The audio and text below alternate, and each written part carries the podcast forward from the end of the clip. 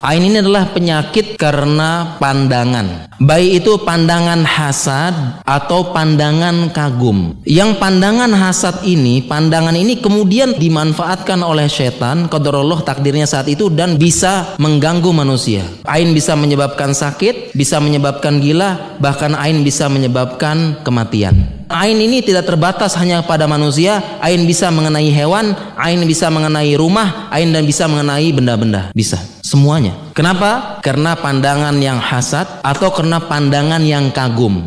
Dua sebab ain ini. Sebagian mengatakan zatnya ain itu yang langsung merusak. Sikap kita pertengahan juga. Jangan ada apa-apa saya kena ain, jangan-jangan kena ain. Sama sikap kita pertengahan. Dan saya juga mengatakan engkau terkena ain bukan karena engkau rumah besar dan sebagainya enggak, karena kurang zikir. Dua sebab ini. Kalau mamin syari hasidin idza hasad jelas kan ya dalilnya. Kalau dalil kagum itu adalah perkataan Nabi. Nabi SAW ada para sahabat dia bagus dan sebagainya. Para sahabatnya muji-muji. Kemudian Nabi SAW, kenapa kalian hendak membunuh sahabat kalian? Kenapa kalian hendak membunuh sahabat kalian? Kalian kagum seperti ini. Kalau engkau melihat yang membuat engkau kagum, barokta engkau ucapkan kata-kata keberkahan. Barakallahu fikum. Jadi kalau kita muji orang jangan lupa barakallahu fikumnya. Jadi dua, ini dalilnya tentang hasad sama kagum. Dan ain ini hak. Nabi SAW bersabda, al ainu hak wa in kana syai'un sabiqul qadari la sabahukul ain. Sesungguhnya ain hak, benar ain ini. Penyakit benar. Kalau seandainya ada sesuatu yang mendahului takdir, ainlah yang mendahului. Ini ada penjelasannya juga. Jadi benar, ain ini. Sebagian orang tidak percaya. Ternyata ada hikmah luar biasa. Kenapa ada ain? Hikmah dari ain adalah agar kita tidak sombong dan suka pamer.